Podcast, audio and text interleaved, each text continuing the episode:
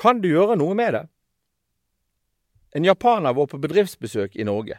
Han opplevde en bedriftsleder som var så stresset og bekymret at han ikke fikk utrettet noe som helst.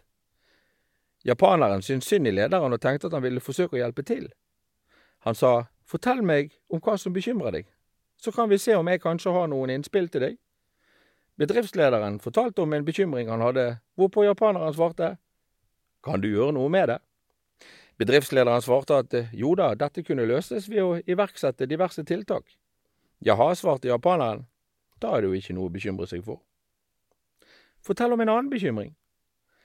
Bedriftslederen tenkte seg om og bestemte seg litt småirritert for at denne gangen skulle han virkelig fortelle om hvor ille tingene kunne være, og fortalte om en svær bekymring, kjempealvorlig og omfattende, som virkelig var alle bekymringers mor. Japaneren så igjen rolig på han og sa, Kan du gjøre noe med det? Nei, dette, forklarte bedriftslederen, var det fullstendig umulig å gjøre noe med. Selv ikke med den beste vilje og all verdens ressurser lot denne bekymringen seg løse. Nei vel, sa japaneren, men da er det ikke noe å bekymre seg for.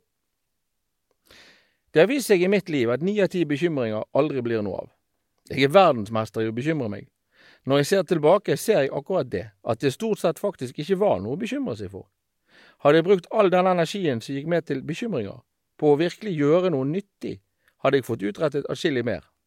Så spørsmålet blir, kan jeg gjøre noe med det?